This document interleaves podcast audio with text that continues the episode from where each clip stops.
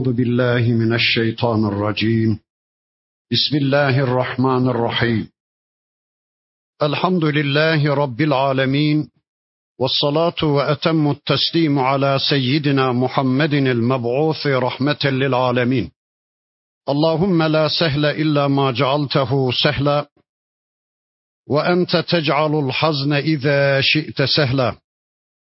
اللهم علمنا ما ينفعنا وانفعنا بما علمتنا وزدنا علما برحمتك يا أرحم الراحمين. أما بعد بسم الله الرحمن الرحيم. إن الذين جاءوا بالإفك عصبة منكم لا تحسبوه شرا لكم بل هو خير لكم. لكل امرئ منهم ما اكتسب من الاثم والذي تولى كبره منهم له عذاب عظيم الى اخر الايات صدق الله العظيم Muhterem müminler, birlikte Nur suresini tanımaya çalışıyorduk. Geçen haftaki dersimizde surenin 11. ayeti kerimesine kadar gelmiştik. İnşallah bu haftaki dersimizde de okumuş olduğum bu 11. ayeti kerimesinden itibaren tanıyabildiğimiz kadar surenin öteki ayetlerini tanımaya çalışacağız. Bu bölümde Rabbimiz yeryüzünün en temiz bir ailesinin en temiz bir üyesi olan bir peygamber hanımı Ayşe annemiz hakkında bir ifk hadisesini anlatacak, bir iftira olayını anlatacak. Ama ben kitabımızın bu ayetlerini okumaya başlamadan önce elimizdeki muteber tüm hadis kitaplarında, siyer kitaplarında bize aktarılan Hazreti Ayşe annemizin bir beyanatı var. İnşallah onu önce sizinle bir paylaşayım. Sevgilinin en sevgilisi Ayşe annemiz der ki, sevgili peygamberimiz bir sefere çıkacağı zaman hanımları arasında kurra çekerdi. Kurra hanımlarından hangisine çıkmışsa o sefere onunla birlikte çıkardı. Beni Mustalik gazvesine çıkacağı zaman sevgili peygamberimiz bizim aramızda kurra çekti ve kurra bana çıktı. Ve o sefere sevgili peygamberimizle birlikte ben de çıktım. Ben devenin üzerinde bir tahtıravallide taşınıyordum. Konaklama yerlerinde iniyor, ihtiyaçlarımı gideriyordum. Beni Mustalik gazvesinin sona erip de Medine'ye dönme emri verildiğinde ordu Medine'ye doğru harekete geçti. Medine'ye yaklaştığımız bir yerde Allah'ın Resulü konaklama emri verdi. Belli bir süre orada dinlendikten sonra yolumuza devam edecektik. Allah'ın Resulü belli bir süre dinlendikten sonra orduya hareket emrini verdi. Benim defi hacet ihtiyacım vardı. Karargahtan ayrıldım. Kimse beni görmesin diye epey uzaklaştım. Defi hacetimi yaptıktan sonra karargaha doğru dönerken birdenbire göksüme el attım. Sevgili peygamberimizin evlenirken bana hediye ettiği Yemen taşlarından dizilmiş gerdanlığımı unuttuğumu anladım ve geriye döndüm. Hava aydınlık olmadığı için gece gerdanlığımı bulmak için uzunca gayret ettim. Uzunca zaman geçti, buldum gerdanlığımı. Tekrar karargaha geldiğimde baktım ki ordu hareket etmiş. Benim tahtravallimi askerler deveye yüklemişler. içinde benim olup olmadığımı fark edememişler. Çünkü ben gençtim, çok zayıftım. Tahtravallinin içinde benim olup olmadığımı fark edememiş askerler deveye yüklemişler ve ordu hareket etmiş. Devenin hevdecinde benim olmadığımı anlarlar, gelip beni burada bulurlar diye oracıkta oturdum, beklemeye başladım. Biraz sonra uykum geldi, uyuya kalmışım. Allah'ın Resulü sahabeden Safvan bin Muattal'a emretmiş. Ordunun arkasından gel, unutulan, kaybolan şeyler varsa onları toparlayıp gelirsin diye Safvan bin Muattal'a resul Ekrem emretmiş. Safvan ordunun arkasında unutulan bir şey var mı diye araştırırken benim karartımı görmüş diyor Ayşe annemiz. Bana doğru yaklaşmış Safvan, benim yanıma gelince beni tanımış ve inna lillah ve inna ileyhi raciun dedi. Ben onun sesine uyandım. Hemen başörtümü örttüm, yüzümü örttüm. Safvan eliyle işaret etti, devesini çöktürdü. Binmem için eliyle işaret etti. Allah'a yemin ederim ki Safvan inna lillah ve inna ileyhi raciun sözünün dışında bana hiçbir şey söylemedi ve ben devesine bindim. Devenin yularından tuttu hızlıca bir, bir buçuk saat sonra beni ordunun arkasından yetiştirdi. İşte hepsi bu. Ama Medine'de dedikodular almış yürümüş. Ben insanların diline düşmüşüm. Ayşe Saffan'la şöyle şöyle yapmış diye Medineli münafıkların reisi Abdullah bin Übey bin Selul bir dedikodu yaymış. Medine'de insanlar da onu dilden dile, ağızdan ağıza dev adımlarla yaymış. Ben Medine'ye döndüğümüzde 20 gün kadar hasta kaldım, evde yattım. Hiçbir şeyden haberim yoktu. Allah'ın Resulü zaman zaman benim yanıma geliyor. Geçmiş olsun Ayşe nasılsın diyor ama eskiden hasta olduğum zaman bana gösterdiği ilgiyi, alakayı göstermiyordu. Bu benim tedirginliğimi artırdı, hastalığımı daha da artırdı. Acaba Resul Ekrem bana niye böyle davranıyor? Önceden gösterdiği ilgiyi bana niye göstermiyor diye sıkılmaya başladım. Biraz kendime gelince Ümmü Mustah diye bir kadın vardı. Mustah'ın annesi. O bizim eve geldi. Ayşe gel gözün gönlün açılsın. Seninle şöyle biraz dolaşalım dedi. Onunla dışarıya çıktık. Yürürken tökezledi Ümmü Mustah. Ağzından şöyle bir cümle çıktı. Kahrolası Mustah dedi. Kendi oğlu için bu cümleyi söyleyince ben şaşırdım. Dedim ki yahu sen Bedir'de bulunmuş, Peygamber aleyhisselamın safında savaşmış, Allah'ın geçmiş günahlarını bağışladığım dediği oğlun Mısta hakkında niye lanet okuyorsun dedim. Kadın zaten fırsat bekliyormuş. Ayşe galiba sen Medine'de olup bitenlerden hiç haberin yok dedi. Hayır ne oldu dedim. Dedi ki Saffan'la Ayşe şöyle şöyle yaptı diye Medine'de bir dedikodu yayıldı. Kahrolası benim oğlum Mıstah da dümen suyuna gitti münafıkların. O da bu işte rol aldı. Bu işi yayanlardan birisi de benim oğlum Mıstah'tır. Onun için ona lanet okudum dedi.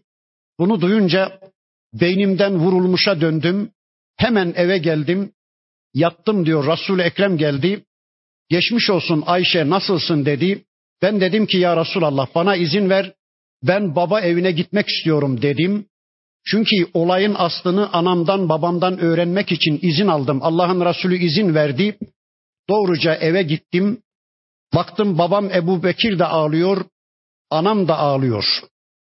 Ben dedim ki anacığım nedir bu durum? İnsanların benim hakkımda dedikodu ettikleri doğru mu? Anam dedi ki üzülme kızım. Senin gibi güzel bir kadın hem de bir peygamberle sevdiği bir kişiyle evli olsun da onun kumaları, ortakları olsun da onun hakkında dedikodu yapılmış olmasın. Zannederim ki senin kumalarından birisi, seni kıskananlardan birisi bu dedikoduyu çıkarmıştır. Üzülme dedi, beni teselli etti ama üç gün, üç gece babam da ağladı, anam da ağladı, ben de ağladım. Duydum ki Allah'ın Resulü beni boşayıp boşamaması konusunda istişare etmek üzere Ali'yi çağırmış. Hazreti Ali Peygamber Efendimizin amcasının oğludur. Bir de Üsame'yi çağırmış. Peygamberimizin hizmetçisi Zeyd'in oğlu Üsame'yi çağırmış. Beni boşayıp boşamaması konusunda onlarla istişare etmiş. Ali demiş ki, duyuyor Ayşe annemiz bunları. Ali demiş ki ya Resulallah, sizi çok üzgün ve sıkıntılı görüyorum. Ayşe'den başka yeryüzünde kadın yok mu? Allah seni mahrum etmez. Boşa gitsin. Bir başka kadınla seni evlendiririz demiş. Bu söz Ayşe annemizin kulağına gitmiş ve yıllar sonra Cemel vakasında Ayşe annemizle Hazreti Ali Efendimiz'i karşı karşıya getirecek bir tek söz. Gönül yarası geçmiyor değil mi? Duymuş Ali Efendimiz'in bu sözünü kırılmış Ayşe annemiz. Üsame ile istişare etmiş. Üsame demiş ki ya Resulallah sakın hanımını boşama. Biz bugüne kadar Ayşe'de zerre kadar bir iffetsizlik, hayasızlık görmedik. Sakın hanımını boşama demiş. İstersen ey Allah'ın Resulü hanımın Ayşe'nin hizmetçisi, cariyesi Berire ile bir istişare et bu konuda. O sana doğruyu söyler demiş. Sevgili peygamberimiz Berire'yi çağırmış. Berire Ayşe annemizin hizmetçisi bir kadın. Berire'ye diyor ki Allah'ın Resulü ey Berire şu ana kadar Ayşe'de şüphelenilecek bir şey gördün mü? Şüphe duyabileceğin bir hareket gördün mü Ayşe'de? Ayşe annemizin hizmetçisi Berire diyor ki seni hak olarak gönderen Allah'a yemin ederim ki ben Ayşe'de zerre kadar bir iffetsizlik şüphesi görmedim. Ancak şu kadarını söyleyebilirim Ayşe hakkında demiş. Ayşe çok dalgın, unutkan, uykucu bir kadındır. Ailesi için hamur karar, hamur yoğurur ekmek yapmak için uyur kalır bir keçi gelir onun hamurunu yiyiverir. Benim Ayşe hakkında söyleyebileceğim sadece budur. Ben onda zerre kadar bir iffetsizlik, hayasızlık görmedim ey Allah'ın Resulü. Sakın karını boşama der. Ve Allah'ın Resulü o istişareden sonra beni boşamamaya karar verir diyor Ayşe annemiz anlatıyor. Mescide gelir peygamberimiz. Yani vahiy gecikmiştir. Peygamber Efendimiz sıkıntılıdır, üzgündür. Dev adımlarla bu Medine'de yayılmıştır. Allah'ın Resulü mescide gelir, minbere çıkar ve cemaati ashabına bir hutbe okur. Hutbesinde buyurur ki ey Müslümanlar peygamberinizin hanımına iftira eden şu alçağın cezasını verecek içinizde hiç kimse yok mu der. Sahabeden Sa'd bin Muaz ayağa kalkar. Ya Resulallah emret. Eğer Hazreç'ten birisi bu işi yapmışsa kellesini vurayım. Yok Evis'ten birisi bu iftira yapmışsa onun da defterini düreyim der. Bu sefer Evis kabilesinin reisi Sa'd bin Ubade ayağa kalkar. Yalan söylüyorsun. Bizden kimseyi öldüremezsin. Senin kavminden birisi bu işi yapmış olsaydı böyle cesurca konuşamazdın der. Bu sefer Sa'd bin Muaz'ın amcası Üseyd bin Hudeyr ayağa kalkar. Otur yerine ey münafık. Sen de olsan seni de öldürürüm der. Bu arada arbede çıkar. Evis ve Hazreç ayağa kalkar mescitte neredeyse savaşacaklar zaten. Yıllar yılı savaşmış iki toplum birdenbire birbirlerine girecekler. Allah'ın Resulü hutbeden onları teskin eder. Oturun yapmayın etmeyin der. Oradan ayrılır. Ayşe annemiz diyor ki sevgili peygamberimiz bize geldi. Anam, babam ve ben bir de Allah'ın Resulü kocam birlikte oturduk. Yüzüme bakmıyordu. Sıkıntılı olduğu belliydi. Bana dedi ki diyor, ey Ayşe, eğer masumsan, suçsuzsan kesinlikle Allah senin hakkında ayetler gönderir, seni temize çıkarır. Yok eğer gerçekten böyle bir şey yaptıysan ey Ayşe doğru söyle. Allah'a tevbe et, günahını itiraf et, Allah'ın affetmeyeceği bir günah yoktur dedi. Benim o anda gözümün yaşı kuruyu verdi diyor Ayşe annemiz. O noktada artık ağlamayı da unuttum. Babama döndüm diyor. Baba peygambere bir cevap versene ben böyle bir şey yapabilecek birisi miyim? Babam dedi ki kızım ben ne diyeyim? Karşıda peygamber ona karşı ne diyebilirim? Allahu ve Rasuluhu alem. Allah ve Resulü en iyisini bilir dedi. Anama döndüm. Ana sen bari bir cevap ver peygambere. Benden böyle bir şey umar mısınız? Ben böyle bir şey yapabilir miyim? Anam da dedi ki vallahi kızım ben ne diyeyim? Allahu ve Rasuluhu alem. Allah ve Resulü daha iyi bilir dedi. Onlardan bir cevap çıkmayınca ben dedim ki vallahi böyle bir şeyi yapmadım desem bana inanmayacaksınız. Görüyorum ki hepiniz etkilenmişsiniz bu dedikodudan. Hepiniz inanmaya başlamışsınız. Ben böyle bir şey yapmadım desem bana inanmayacaksınız. Beni tasdik etmeyeceksiniz. Yapmadığım halde Allah biliyor ki yapmadım. Yaptım desem hemen tasdik edeceksiniz. Böyle bir durumda ben Yusuf'un babası Yakub'un söylediği şu sözü söylerim dedim. Hani Yusuf suresinde anlatılıyordu ya. Kardeşleri Yusuf Aleyhisselam'ı kuyuya attılar. Kanlı gömleğini getirip babaları Yakup Aleyhisselam'ın önüne attılar. Oğlun Yusuf'u kurt yedi diye. Yakup Aleyhisselam da o zaman şöyle demişti. Yusuf suresinde anlatılır. Fesabrun cemil. Vallahul musta'anu ala ma tasifun. Bugün bana sabretmek düşer. Bugün ben sabru cemille sabredeceğim ve sizin sözlerinizden sadece Allah'a sığınacağım. Onun dışında benim yapabileceğim bir şey yok demişti ya Yakup Aleyhisselam. İşte Ayşe annemiz de vallahi ben ancak Yakup'un dediğini söylerim diyor ve odama çekildim diyor. Öyle kırıldım ki odama çekildim diyor. Birkaç tane sahabe daha geldi. Babam ve erkekler birlikte oturuyordu karşı odada. Ben oturduğum odadan kapının aralığından sürekli Resul-i Ekrem'i izliyordum.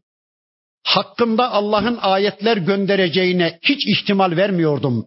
Benim gibi zavallı bir kadın hakkında kesinlikle Allah ayet göndermez ama belki de rüyasında Peygamber Efendimiz'e benim temiz olduğumu bir rüya ile gösterir diye umuyordum. Hiç ayetlerin geleceğini beklemiyordum diyor Ayşe annemiz. Bir de baktım ki kapının aralığından Allah'ın Resulü terlemeye başladı. Kış gününde buram buram ter döküyordu. Çok sıkıntılıydı. Anladım ki vahiy geliyordu. Allah'ın Resulü gülmeye başladı ve bağırdı öbür odadan bana. Ayşe Allah hakkında ayetler gönderdi. Seni tertemiz temizledi. Rabbine hamd et dedi. Anam beni dürttü diyor. Kalk peygambere teşekkür et Ayşe. Vallahi ben ona teşekkür etmem. Ben kimseye teşekkür etmem. Beni temize çıkaran Rabbıma teşekkür ederim. Ben ona hamd ederim dedim diyor. Gitmedim yanına. Biraz darılmış, kolay değil bir kadın kocası tarafından Ayşe doğru söyle böyle bir şey yaptın mı sözünü duyması onu gerçekten son derece üzmüş. İşte Allah benim hakkımda bu ayetleri gönderip beni temize çıkardı diyor Ayşe annemiz. Onun bu konudaki beyanlarını sizinle paylaştıktan sonra şimdi de Rabbimizin ayetlerini okumaya başlayayım. İnnellezîne câ'û bil ifki usbetun minkum. Şu iftirayı getirenler, şu ifki uyduranlar içinizden bir gruptur. Bir tek kişi değil, bir gruptur onlar. Ve üstelik sizin içinizden bir gruptur. Yani Yahudiler yapmış değil bunu. Hristiyanlar yapmış değil. Müşrikler yapmış değil. Müslüman görünümünde Müslümanların içinde olan Abdullah bin Übey bin Selul bu iftirayı ilk defa ortaya atmış. Sonra da Müslümanlardan bir kısım saf dil Müslümanlar da onun dümen suyuna gitmiş. Medine'de bu iftirayı dev adımlarla yaymışlar. Bakın Allah diyor ki La tahsebuhu şerran lekum. Bu hadisenin sizin hakkınızda şer olduğunu sanmayın ey Müslümanlar. Bel huve hayrun lekum. Bu hadise, bu ifk hadisesi sizin hakkınızda hayırlı olmuştur. Peki nasıl hayırlı diyeceğiz buna? Bir peygamber ailesine iftira ediliyor. Ayşe annemiz ağlatılıyor. Bir ay peygamberimiz ağlatıldı. Ebu Bekir ve ailesi ağlatıldı. Ayşe ile şöyle şöyle yaptı dedikleri Safvan Efendimiz ve ailesi ağlatıldı ve Medineli Müslümanlar ağlatıldı. Münafıklar güldü, müşrikler güldü, Yahudiler güldü, kafirler ve zalimler güldü. Peki böyle bir olaya nasıl hayırlı diyeceğiz? Bakın Rabbimiz bu suretinde temizdir Ayşe diyecek, biraz sonra okuyacağım. Temizdir peygamber diyecek, temizdir Safvan diyecek, temizdir Müslümanlar diyecek ve böylece kıyamete kadar Rabbimiz peygamber ailesinin temizliğini kitabında bizzat ayetleriyle tescil edecek ve kıyamete kadar artık hiç kimse peygamber hanımları hakkında tek kelime bile söylemeye cesaret edemeyecek. İşte bizzat Kur'an'da cevabı Allah verecek. Onun için gerçekten bu Müslümanlar hakkında hayırlı olmuştur. Üstelik bakın vahyin indiği bir dönemde böyle bir iftira olayı gerçekleşmiştir. Eğer peygamberimizin vefatından sonraki Ayşe annemiz uzun yıllar yaşadı, eğer peygamber efendimizin vefatından sonra böyle bir iftira olayı açığa çıkmış olsaydı, yani vahyin inmediği bir dönemde böyle bir olay açığa çıkmış olsaydı, belki Müslümanlar peygamberlerinin hanımını kendi kanıtlarınca, kendi delillerince temize çıkarmaya çalışacaklardı ama ne kadar inandırıcı olabileceklerdi. Ama bakın bizzat Rabbimiz ayetler gönderdi ve artık kıyamete kadar temizdir peygamber, temizdir peygamber hanımları, temizdir Ebu Bekir, temizdir Ayşe, temizdir Müslümanlar. Bu Rabbimizin ayetleriyle bizzat tescil edildi. Artık Müslümanların bu konuda savunmalarına da gerek kalmadı. Savunmayı bizzat kitabında Rabbimiz yapıverdi. İşte bu olay Müslümanlar hakkında hayırlı oldu. Bir de bu olayla Cenab-ı Hak Müslümanlara münafıkları tanıttı. Müslümanlar münafıkların komplolarını tanıdılar. Münafıkların İslam'a karşı düşmanlık yöntemlerini tanıdı Müslümanlar. Böylece münafıklara karşı Allah Müslümanları bilgilendirdi, bir deneyimden geçirdi. Onları gerçekten bu konuda güçlendiriverdi. İşte bu olay Müslümanlar hakkında hayırlı oldu. Bir üçüncü şekliyle bunu şöyle anlıyoruz. Bakın Müslümanlar bu olayla Peygamber Efendimizin kaybı bilmediğini tamamıyla anlamış oldular. Anladı ki Müslümanlar Peygamber Efendimizin bilgisi vahiy ile sınırlıdır. Peygamber aleyhisselamın kaybı bilmesi mümkün değildir. Bakın bir ay peygamberimiz tedirgin oldu. Bazen Ayşe annemizin ağzından, bazen öteki hanımlarının ağzından, bazen Ayşe annemizin hizmetçisi Berire'nin ağzından, bazen Üsame'nin Hazreti Ali Efendimizin ağzından, bazen öteki Müslümanların ağzından araştırarak bu konuda bilgi almaya çalıştı. Eğer gerçekten Peygamber Efendimiz gaybı bilseydi, hanımının tertemiz olduğunu bilseydi, neden tedirgin olsundu Peygamberimiz? Neden hanımı Ayşe'ye Ayşe doğru söyle böyle bir şey yaptın mı? Yaptıysan tevbe et, itiraf et Allah'ın affetmeyeceği bir günah yoktur. Neden desindi bunu tertemiz karısına? Demek ki Allah'ın Resulü gaybı bilmiyordu.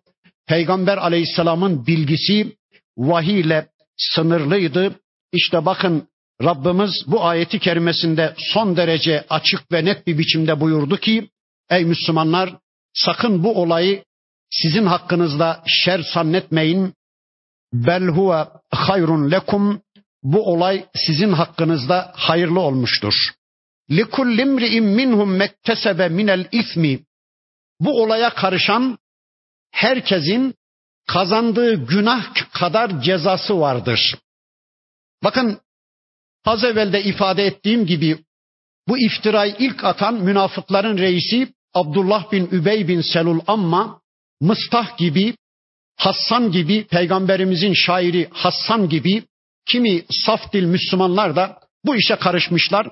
Bakın Allah diyor ki onlardan her birerine kazandıkları günah kadar ceza vardır. وَالَّذ۪ي تَوَلَّا كِبْرَهُ مِنْهُمْ لَهُ عَذَابٌ عَظ۪يمٌ Ama bu işin ele başlarına gelince bu iftirayı ilk defa düzüp ortaya atan Abdullah bin Übey bin Selul'a gelince onun için azim bir azap vardır. O zaten kafirdi. Müslüman görünümünde bir kafirdi, münafıktı. O zaten cehenneme gidecek. Onun için azapların en büyüğü vardır. Şimdi bakın Müslümanlara bir yargılama, bir sorgulama geliyor. Allah buyurdu ki: "Levla iz semi'tumuhu zannel mu'minun vel mu'minatu bi enfusihim hayra." Bu sözü işittiğiniz zaman Ayşe Saffan'la şöyle şöyle yapmış sözü sizin kulağınıza geldiği zaman Müslüman kadın ve erkekler olarak ey Medineliler sizin kendi nefsinizde hüsnü zannetmeniz gerekmez miydi? Kendi nefsinizde hüsnü zannetmeniz, kıyası nefiste bulunarak hüsnü zannetmeniz gerekmez miydi? Bakın Allah şunu söylüyor. Ey Müslümanlar, kendi nefsinize bir sormalı değil miydiniz? Yahu ben böyle bir şey yapabilir miyim? Bir peygamber karısını kirletebilir miyim? Üstelik o peygamber karısı müminlerin annesidir. Ebediyen onlara haramdır. Yani ben böyle bir şey yapabilir miyim diye kendi kendinize bir sormalıydınız. Ben böyle bir şeyi nasıl yapamazsam kardeşim Safvan da asla böyle bir şeye cesaret edemez. Kardeşim Ayşe de peygamber hanımı Ayşe de asla böyle bir şey yapmaz diye kıyası nefsederek Ayşe hakkında, Safvan hakkında hüsnü zanda bulunmanız gerekmez miydi? Vakalu şöyle demeniz gerekmez miydi? Hâzâ ifkum mubin. Bu apaçık bir iftiradır. Biz böyle bir şeye kesinlikle milyarda bir ihtimal bile vermeyiz. Böyle bir şey ne Safvan yapar ne de Ayşe yapar. Böyle bir şey kesinlikle büyük bir iftiradan başka bir şey değildir demeniz gerekmez miydi? Müslümanlardan kimileri öyle yapmamış. Kimisi susmuş, kimisi konuşmuş, kimisi gülmüş, kimisi el kol işaretleriyle, kimisi bıyık burun işaretleriyle, kimisi kaş göz işaretleriyle bu olayı yaymış. Ama mesela şu anda İstanbul'da yatan Ebu Eyyub el Ensari Efendimiz farklı davranmış. Müslümanlardan birçoğu öyle davranmış da onun örneğini sizinle paylaşayım. Bir gün akşam eve gelmiş Ebu Eyyub el Ensari Efendimiz hanımı diyor ki ey Ebu Eyyub Medine'de bir dedikodu almış yürümüş sen benimle hiç paylaşmadın bana hiç bahsetmedin niye bana bahsetmedin? Ebu Eyyub el Ensari Efendimiz diyor ki ey Eyyub'un annesi Ebu Eyyub Eyyub'un babası demek hanımı da Eyyub'un annesi ey Eyyub'un annesi sen böyle bir şey yapar mısın? Sen bir Müslümanla zina eder misin? Hayır vallahi ben böyle bir şey yapmam diyor karısı. Ebu Eyyub el-Ansari Efendimiz de diyor ki Ayşe senden daha namuslu. Ayşe senden daha üstün. Ayşe böyle bir şey asla yapmaz. Senin yapmadığın bir şey Ayşe'den nasıl düşünebilirim? Ben bunun büyük bir iftira olduğunu bildim ve sustum. Sana onun için bahsetmedim. Hiçbir yerde de ben bunu ağzıma almadım. İşte bu güzel. İşte bu güzel. Yani Medineli Müslümanların erkek ve kadınların böyle bir tavrı takınması gerekirken ama onlardan kimileri gülmüş, kimileri konuşmuş, kimileri fısıldamış, kimileri farklı bir tavır takınmış. Bakın Allah diyor ki ey Müslümanlar böyle düşünmeli değil miydiniz? Üstelik Ayşe ile bu işi yaptı dedikleri Safvan Bedir'de bulunmuş, Allah'ın geçmiş günahlarını bağışladığım dediği ve de Peygamber aleyhisselamın gözü önünde can hıras savaşmış, dişini tırnağına takmış bir sahabi. Onun hakkında, Ayşe hakkında böyle bir şeyi nasıl düşünebildiniz? Şöyle demeniz gerekmez miydi? Ya bu alçağı biz zaten biliriz. Şu Abdullah bin Übey bin Selul münafığını zaten tanırız. Bu adam her fırsatta peygambere kin kusmaya çalışan, bu adam her fırsatta Müslümanlara düşmanca tavırlar takınan münafığın teki, biz bu adamın ağzından çıkan bu lakırdıya asla inanmayız. Biz bu konuda asla konuşmayız. Ağzımızı, dilimizi kullanmayız diye susmanız gerekmez miydi? Müslümanlar hakkında beraati zimmetin asıl olduğunu bilmeniz ve hakkında delil olmadığı sürece Müslümanlar hakkında bu tür dedikoduları konuşmayız demeniz gerekmez miydi? Ey Müslümanlar! Sonra bakın Allah diyor ki Levla ca'u aleyhi bi erbaati şüheda. Bu iddiayı ortaya atanlar dört şahit getirmeli değil miydi? Hani bundan önce geçen haftaki dersimizde surenin başında Rabbimiz anlattı. Zina olayını bizzat gözleriyle gören dört şahitle tespit edin demişti. Bakın Allah soruyor şimdi. Bu iftirayı atanlar dört şahit getirmeli değiller miydi? Ağızlarıyla söyledikleri bu sözü gözleriyle görmüşler mi? Hani gören birisi var mı? Hepsi şu. Ayşe annemiz gerdanlığı sebebiyle ordudan geride kalmış. Safvan Efendimiz de devesine bindirmiş. Bir, bir buçuk saat sonra ordunun arkasından yetiştirmiş. Hepsi bu. Gören birisi var mı? Bu olayı gözleriyle görüp de ben Safvan'la Ayşe'yi şöyle şöyle yaparken bizzat gördüm diyen birileri var mı? Dört şahit var mı? Feizlem ye'tu şüheda eğer bu iftiracılar dört şahit getiremiyorlarsa fe ulaike indallahi humul kazibun onlar Allah katında yalancının tekidirler. Onlar Allah katında iftiracının, müfterinin tekidirler. Ey Müslümanlar, bu münafıkların dümen suyuna nasıl gittiniz? Nasıl böyle bir şey düşünebildiniz? Nasıl böyle bir dedikoduya katılabildiniz? وَلَوْلَا فَضْلُ اللّٰهِ عَلَيْكُمْ وَرَحْمَتُهُ Eğer Allah'ın sizin üzerinizde fazlı ve rahmeti olmasaydı, Allah sizi bağışlamasaydı fid dünya vel ahira hem dünyada hem de ukbada Allah'ın sizin üzerinizde fazlı ve rahmeti olmasaydı lemessekum fîmâ afastum fihi azabun azîm yaydığınız bu sözden dolayı dillerinize doladığınız bu dedikodudan dolayı gerçekten size büyük bir azap dokunurdu. Hadi dua edin ki Rabbiniz dünyada da ukbada da size karşı son derece merhametli, bağışlayıcı, sizi bağışlayıverdim değilse yaydığınız bu sözden dolayı, aldığınız bu rolden dolayı, kötü rolden dolayı size bir azap dokunurdum. İz telakkavnehu bi elsinetikum siz bu sözü dillerinize dolamıştınız. Ve tekulune bi efvahikum ma leyse lekum bihi ilmun hakkında hiçbir bilgi sahibi olmadığınız bu sözü birbirinize naklediyordunuz. O ona söylüyor, o ona söylüyordu. Dev adımlarla Medine'de bu iftirayı yayıyordunuz. Ve tahsebunehu heyya ve bu işi çok basit bir şey sanmıştınız. Çok kolay bir şey sanmıştınız. Ağzınızda geveleyip geçiyordunuz. Halbuki ve huve indallahi azim. Bu Allah katında çok büyük bir şeydir. Bir insanı öldürmekten daha beter bir şeydir bu. Tertemiz bir kadın hakkında, tertemiz bir erkek hakkında o böyle bir şey yapmadığı halde, dört şahitle de ispat etme imkanınız olmadığı halde o şöyledir, o böyledir, o mu, o zaten o, o mu, o eteği kirli birisi, o mu, o zaten harama uçkur çözen birisi, o zaten fahişenin birisi diye ağzınızdan bu cümleleri nasıl söyleyebiliyordunuz? Gerek o gün gerekse bugün.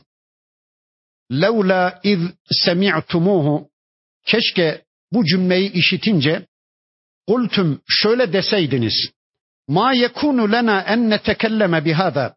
Böyle bir şey konuşmak bize yakışmaz. Bize yakışık almaz. Biz Müslümanız. Bilmediğimiz, hakkında delil sahibi olmadığımız bir sözü ağzımıza almamız bize asla yakışmaz. Subhaneke hâzâ buhtanun azîm.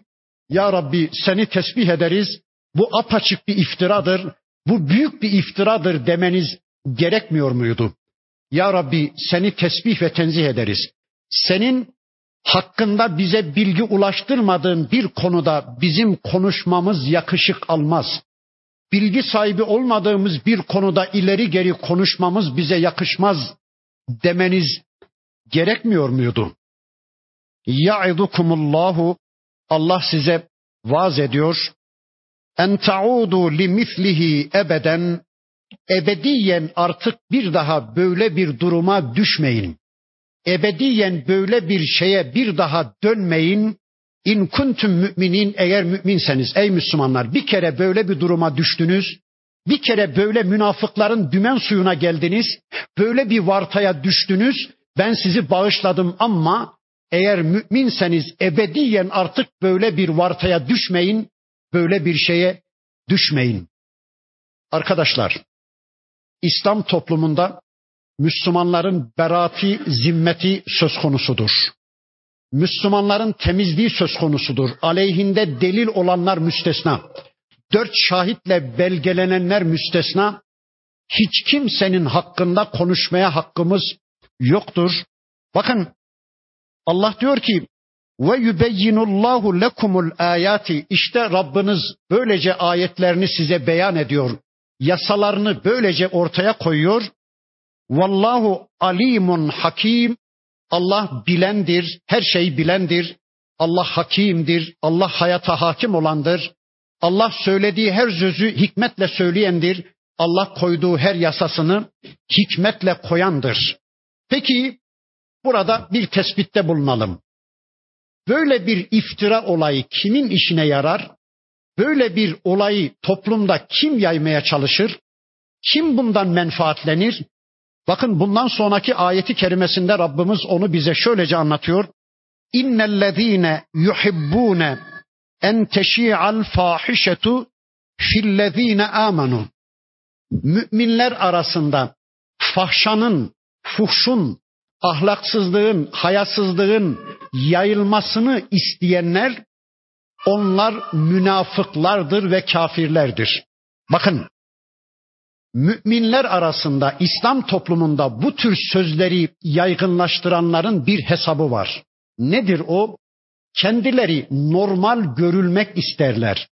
Kendilerini insanların gözünde temize çıkarmak isteyenler, kendilerinin namussuzluğunu, şerefsizliğini örtmeye çalışanlar, Müslümanları da namussuz ve şerefsiz göstermeye çalışırlar. Bu tür dedikoduları, bu tür fuhuş sözleri toplumda yaygınlaştırırlar. İşte şu anda görüyoruz. Dört zibidi televizyon kanallarının başına oturmuşlar.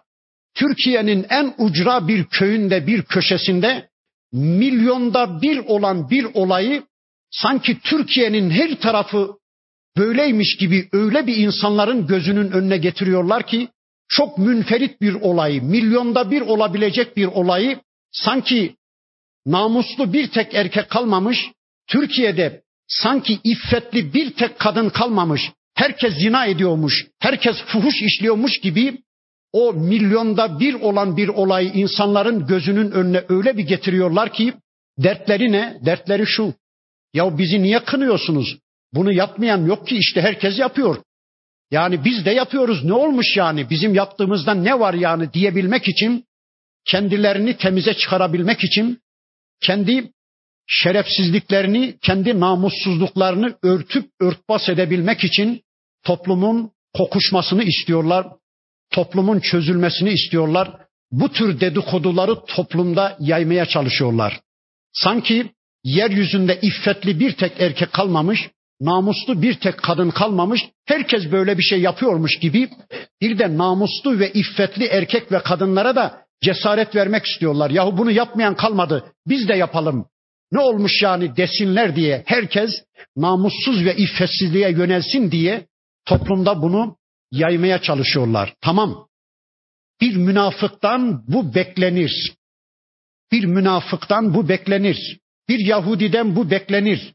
Bir Hristiyandan bu beklenir. Çünkü onlar şu anda Allah'a bile iftira ediyorlar. İsa Allah'ın oğludur diye, Üzeyir Allah'ın oğludur diye, melekler Allah'ın kızlarıdır diye ya da yeryüzünde Allah'ın yetki devrinde bulunduğu egemenler var diye, egemenlik Allah'tan başkalarındadır diye birileri şu anda Allah'a iftira ediyor. Allah'a bile iftira edenler mümin erkeklere ve kadınlara haydi haydi iftira edecekler ama peki Müslümanlar niye onların dümen suyuna gidiyorlar? Müslümanlar niye ağızlarına böyle sözleri alıyorlar? O mu? O zaten şöyle birisi, o zaten böyle birisi diye bunu söylediği andan itibaren bir Müslümandan dört şahit istenir. Eğer dört şahit getiremezse seksen değnek vurulur. Geçen hafta surenin başında o ayetleri okumuştum. Bakın Allah diyor ki böyle fuhuşları, hayasızlıkları İslam toplumu içinde yaymaya çalışanlar var ya. Lahum azabun elimun fid dünya vel ahira. Onlara hem dünyada hem de ahirette elim bir azap vardır. Dünyadaki azapları 80 değnektir ve ebediyen şahitliklerinin kabul edilmemesi, sözlerine Müslümanların değer vermemesidir. Ahiretteki azapları da cehennemdir. Zaten bu iftiraya karışanlara da 80 değnek vurularak onların cezaları bizzat Peygamber Efendimiz tarafından verilmiştir. Vallahu ya'lemu ve entum la ta'lemun. Allah bilir, siz bilmezsiniz ey Müslümanlar. Gelin kendi değer yargılarınızla bir hayat yaşamayın. Gelin gece gündüz kitapla beraber olun. Allah'ın değer yargıları istikametinde bir hayat yaşayın. Allah bu yasalarını sizi tertemiz hale getirmek için göndermiş. Allah bu ayetleriyle sizi uyarıyor. Medine'de yeni oluşan İslam toplumunun temellerini atmak üzere bu ayetler geliyordu. Kıyamete kadar erkek ve kadınların tertemiz bir hayat yaşamaları için Allah bu ayetlerini gönderiyordu. Gelin ey Müslümanlar bu ayetlerle birlikte olun da وَلَوْلَا فَضْلُ اللّٰهِ عَلَيْكُمْ وَرَحْمَتُهُ Eğer Allah'ın sizin üzerinizde fazlı ve rahmeti olmasaydı, bakın aynı ifadeyi Rabbimiz bir daha kullanıyor. Ve ennallaha raufun rahim. Allah size karşı rauf ve rahim olmasaydı, son derece bağışlayan olmasaydı ne yapardınız, ne ederdiniz? Pislik içinde bir hayat yaşardınız. Şu ayetlerden habersiz pislik içinde bir hayat yaşardınız. Ne kadının kocasına karşı bir güveni, ne kocanın karısına karşı itimadı kalırdı. Ne komşunun komşuya bir güveni itimadı kalırdı. Pislik içinde bir hayat yaşar giderdiniz. Halbuki Allah bu ayetleriyle sizi tertemiz nikahlı bir hayata çıkardı, sizi güvene çıkardı, tertemiz bir hayata ulaştırdı. Öyleyse ey Müslümanlar, ya eyyühellezine amenu, la tettebi'u hutuvati şeytan. Sakın şeytanın adımlarına tabi olmayın. Şeytan peşi sıra gitmeyin. Ve men yettebi' hutuvati şeytani, kim şeytanın adımlarına tabi olursa bil fahşai vel munker şunu unutmayın şeytan insana fahşayı emreder, aşırılıkları emreder, bir de münkeri emreder. Şeytan insanlara der ki yahu kim demiş nikah yasasını? Kim koymuş bu yasayı? Beden sizin değil mi? İstediğiniz yerde kullanabilirsiniz. Bedenim benim bedenim kime ne? Onu istediğime peşkeş çekerim. Tenasul organım benim yahu kime ne? İstediğime peşkeş çekerim. İstediğime veririm onu. Kime ne? Vücut benim değil mi? Ya da malım benim değil mi?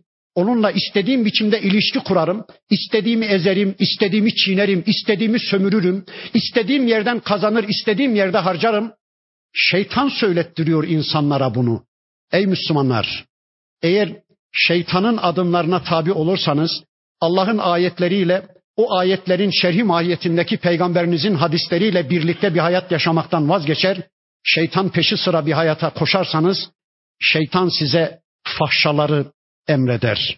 Şeytan sizi Allah'a kulluktan uzaklaştırmaya çalışır. وَلَوْلَا فَضْلُ اللّٰهِ عَلَيْكُمْ وَرَحْمَتُهُ Bakın Allah bir daha söyledi.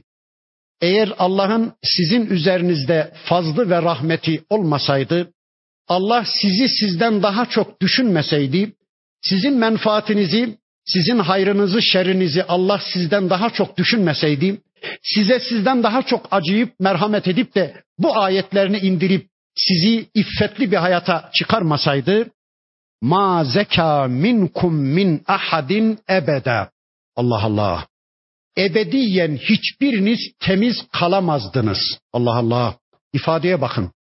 Eğer Allah sizi korumasaydı, eğer Allah sizi şeytanların şerrinden korumasaydı, eğer Allah sizi iftiracıların şerrinden korumasaydı, eğer pisliğe batmış bir toplum içinde Allah sizi koruması altına almasaydı, hiçbiriniz ebediyen temiz kalamazdınız.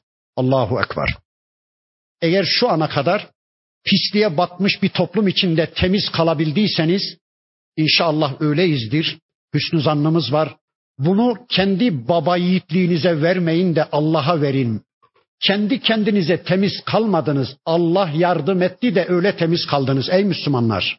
Öyleyse sürekli Allah'a şöyle dua edelim. Ya Rabbi şu ana kadar pisliğe batmış bir toplum içinde beni tertemiz bugünlere getiren sensin. Bundan sonra da beni temiz kıl ya Rabbi. Beni pisliklere batırma. Ya Rabbi karşıma kötü fırsatlar çıkarma. Beni dayanamayacağım ortamlarda imtihan etme. Ya Rabbi beni koru, beni nefsimle baş başa bırakma diye sürekli Rabbimize dua edelim. Dua dua yalvaralım. Ya Rabbi biz hanımlarımızla, biz kocalarımızla, biz oğullarımızla, kızlarımızla, biz gelinlerimizle, damatlarımızla tertemiz bir hayat yaşamak istiyoruz. Ya Rabbi biz senin yasaların istikametinde nikahlı bir hayatın dışına çıkmak istemiyoruz. Ne olur ya Rabbi Bizi tertemiz hale getir. Tertemiz bir dünya yaşat. Cinsel arzularımızı nikahlı, tertemiz bir biçimde gidermeyi, gayrimeşruya uzanmamayı ve dünyada sana isyan içinde bir hayatın adamı olmamayı bize lütfeyle ya Rabbi diye sürekli Rabbimize dua edelim. Evet. Velakin Allah yüzekki men yaşa. Lakin Allah sizi temizliyor. Allah sizi temize çıkarıyor. Bakın eğer biz temizlenmeden yana, temiz kalmadan yana, temizce bir hayat yaşamadan yana bir tavır alırsak, Allah'ın bu yasalarıyla birlikte hareket etmeye çabalar, Allah'ın koruması altına girersek o zaman Allah bizi korur. Değilse eğer biz pislikten yana, pis bir hayattan yana tavır alırsak o zaman Allah bizi korumasından çıkarıverir, her türlü pisliğe batı veririz. Allah herkesi biliyor. Kim temizlikten yana, kim temiz bir hayattan yana, kim de pis bir hayattan yana, pislikten yana tavır alıyor. Onu Allah bildiği için Allah temizlikten yana olanları temiz kılıyor, tertemiz hale getiriyor, teskiye ediyor ama pisliğin cazibesine kapılmış olanları da Allah korusun pisliğin içinde bırakıveriyor. Temizlik Allah'ın temizliğidir. Bu konuda kriter vahidir. Allah'ın temiz dedikleri temizdir, pis dedikleri de pistir. Şu anda yeryüzündeki toplumlar kendilerine göre bir temizlik kriteri, bir temizlik değer yargısı geliştirebilirler. İşte biz temiziz, biz şöyle şöyle ozonla yıkanmışız, sabunla temizlenmişiz, biz temiziz diye kendi kendilerine bir kriter geliştirebilirler, bir değer yargısı geliştirebilirler. Ama şunu söyleyeyim, yarın ölümle birlikte insanların değer yargılarının tamamı bitecek. Sadece Allah'ın değer yargıları kalacak. Öyleyse ey Müslümanlar kendi kendinize bir temizlikten yana değil de Allah'ın istediği bir temizlikten yana, bir iffetten yana hayat yaşayın. Sonra bakın burada Ebu Bekir Efendimiz'e bir emir geliyor. Tabi onun şahsında hepimize bir emir. Bakın diyor ki Rabbimiz وَلَا يَأْتَلِ اُلُوا الْفَضْلِ مِنْكُمْ وَالسَّعَةِ اَنْ يُؤْتُوا اُلِي الْقُرْبَى وَالْمَسَاكِينَ وَالْمُهَاجِرِينَ ف۪ي سَب۪يلِ اللّٰهِ Sakın ha içinizden servet sahipleri, fazlu kerem sahipleri, akrabalarına, miskinlere ve Allah yolunda hicret edenlere yardım etmeyeceğiz, biz onlara yardımı kesiyoruz diye yemin etmesinler. Bakın bu olay Hazreti Ebu Bekir Efendimiz hakkında nazil olmuş bir ayet ama hepimizi ilgilendiren bir ayet. Olay şu, şu ifk hadisesinden en çok etkilenen, en çok yara alanlardan birisi Ebu Bekir Efendimiz'di. Çünkü onun kızına iftira edilmişti Ayşe annemize. Ebu Bekir Efendimiz büyük yara almıştı. Bakın iftirayı yayanlardan birisi de Müslümanlardan yayanlardan birisi de demin söyledim mıstahtı. Hani annesi ayağı tökezleyince kahrolası mıstah demişti ya. Mıstah Müslümanlardan birisiydi. Gariban bir Müslümandı. Fakirdi. Ebu Bekir Efendimizin de akrabasıydı. Ebu Bekir Efendimiz ona yardım ediyordu. Mıstah kızının hakkında o iftirada kötü bir rol aldığı için Ebu Bekir Efendimiz yemin etti. Vallahi de billahi de artık ben bundan böyle Mıstah'a zırnık yardım etmeyeceğim. Ona yaptığım yardımı kesiyorum demişti ya. Bakın Rabbimiz buyurdu ki sizden servet sahipleri akrabalarına, miskinlere ve Allah yolunda hicret edenlere sakın yardımı kesiyoruz, yardım etmeyeceğiz diye yemin etmesin. Vel yafu vel yasfahu affediverin, geçiverin, bağışlayıverin. Çünkü bakın şu ifadeye. Ela tuhibbune en yagfirallahu lekum. Siz Allah'ın sizi bağışlamasını istemez misiniz? İçinizden hangi insan Allah'ın bağışına ulaşmak istemez? Ey Ebu Bekir, senin de bana karşı bir kısım hataların var ama ben havanı, suyunu, güneşini kesmiyorum. Ne oluyor? Bir gariban Müslüman senin kızın hakkında kötü bir rol aldı, bir yanlışa düştü diye niye ona yaptığın yardımı kesmek üzere yemin ediyorsun?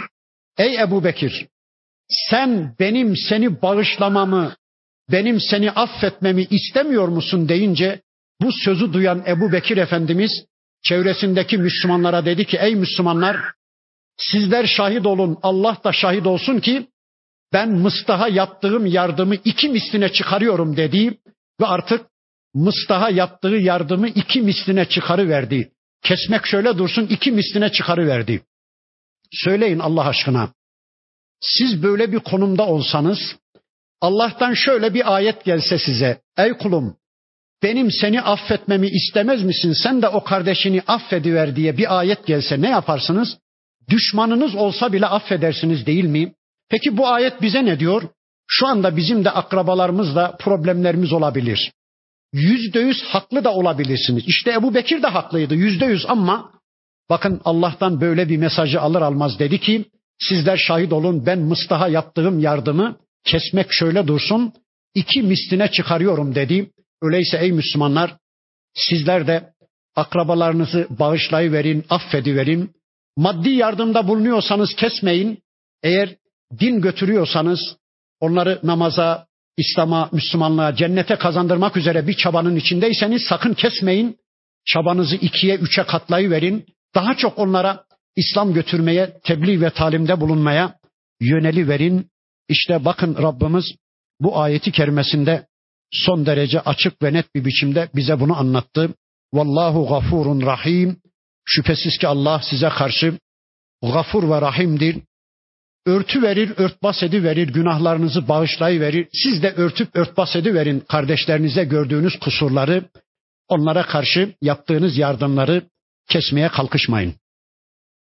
İnnellezîne yermûnel muhsanati el gafilati tertemiz gafil kadınlara zina iftirasında bulunanlar var ya, el gafilat, hiçbir şeyden haberi olmayan, oyun oynaş bilmeyen, ismi kötü bir şey çağrıştırmayan, tertemiz, hiçbir şeyden haberi olmayan, kocalarına itaat etmeye, meşru dairede, Allah'a itaat edip Allah'ın arzularını yerine getirmeye çalışan tertemiz kadınlara zina isnadında bulunanlar var ya, lu'inu fid dünya vel ahire onlar dünyada da ahirette de lanetlenmişlerdir. Ve lehum azabun azim onlar için gerçekten büyük bir azap vardır. Dayanılmaz bir azap vardır. Ey Müslümanlar! Dün Ayşe annemiz hakkında böyle bir iftira olmuştu. Allah onu anlattı. Bugün Ayşeler, Fatmalar, Hacerler, bugün onların namusu Ayşe annemizin namusundan daha ucuz değildir. Hiçbir Müslüman kadının namusu peygamber hanımının namusundan daha basit ve ucuz değildir. Öyleyse tertemiz kadınlara oyun oynaş bilmeyen, kötülük bilmeyen, isimleri anıldığı zaman kötülük, şüphe ya da iffetsizlik çağrıştırmayan tertemiz kadınlara iftira etmeyin, o şöyle şöyle, o şunu yapmıştır, o bunu yapmıştır diye ağzınızdan bu cümleleri toplumda yaymaya kalkışmayın. Allah kullarının şahsiyetine değer veriyor. Allah kullarını koruma altına alıyor. Bir kadına, tertemiz bir kadına, fark etmez istersen erkek olsun, tertemiz bir kadına, tertemiz bir erkeğe zina isnadında bulunmak onu öldürmekten daha beter toplumda rencide etmektir. Bunu yapmayın. Allah lanetliyor böylelerini. Sonra bakın diyor ki يَوْمَ تَشْهَدُ عَلَيْهِمْ أَلْسِنَتُهُمْ وَاَيْد۪يهِمْ وَاَرْجُلُهُمْ بِمَا كَانُوا يَعْمَلُونَ Yarın kıyamet günü böyle iftira atan, o şöyle şöyle, o böyle böyle diyen kimselerin elleri, dilleri ve ayakları onların aleyhinde şahitlik yapacak. Elleri diyecek ki benimle tuttu. Ağızları diyecek ki benimle konuştu ya Rabbi. Ayakları diyecek ki bu dedikoduyu yaymak için benimle gitti ya Rabbi. Bütün azaları yarın Allah'ın huzurunda şehadette bulunacak. Bugün birilerine kara çalabilirsiniz. Bugün birilerine iftira atabilirsiniz. Ağzınız açık. İmkan da var, fırsat da var. Dokunmuyor Allah. Özgürlüğünüz de var. Bugün birilerini karalayabilirsiniz. Bugün toplumda birilerini rencide edebilirsiniz. Ama Yarın unutmayın eliniz, ayağınız, gözünüz, kulağınız, bütün azalarınız aleyhte şehadette bulunacak. Ya Rabbi benimle konuştu, benimle gördü, benimle yürüdü, benimle düşündü, benimle güldü diye bütün azalarınız yarın şehadette bulunacak. İslam toplumunda bu tür şeylerin olmasına Allah izin vermiyor. Ve yevme izin yuveffihumullahu dinehumul hak ve o gün Allah hak ettikleri cezayı onlara verecektir. Hak olarak verecektir Allah. Asla kimseye haksızlık etmeyecek. Ve ya'lemûne ennallâhe huvel hakkul mubin. Ve yarın insanlar bilecekler ki Allah apaçık haktır, Allah gerçektir, Allah haktır. Allah'ın gönderdiği ayetleri haktır.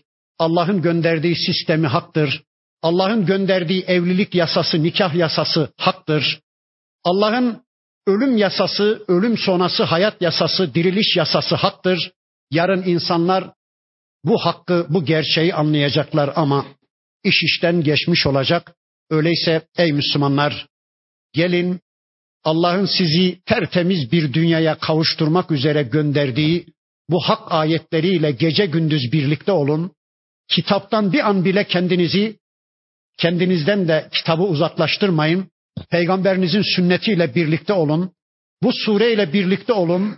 Böylece Allah'ın istediği bir hayatı yaşayın. Tertemiz bir nikah hayatını yaşayın. Şeytanın adımlarına uymayın. Kafirlerin ve müşriklerin vahiylerine teslim etmeyin kendinizi. Çünkü onlar sizi Allah'a kulluktan koparıp İslam dışı bir hayata çekmek isterler. Toplumu kokuşturmak isterler. Siz toplumda Müslümanca bir hayat yaşamaya bakın. Allah hepinizden, hepimizden razı olsun. İnşallah burada kalalım. Önümüzdeki hafta kaldığımız yerden Rabbimizin öteki ayetlerini tanımak için tekrar bir araya gelmek üzere Allah'a emanet olun. Subhaneke Allahumma ve bihamdik. Eşhedü en la ilahe illa ente estağfiruke ve etubu ileyk. والحمد لله رب العالمين.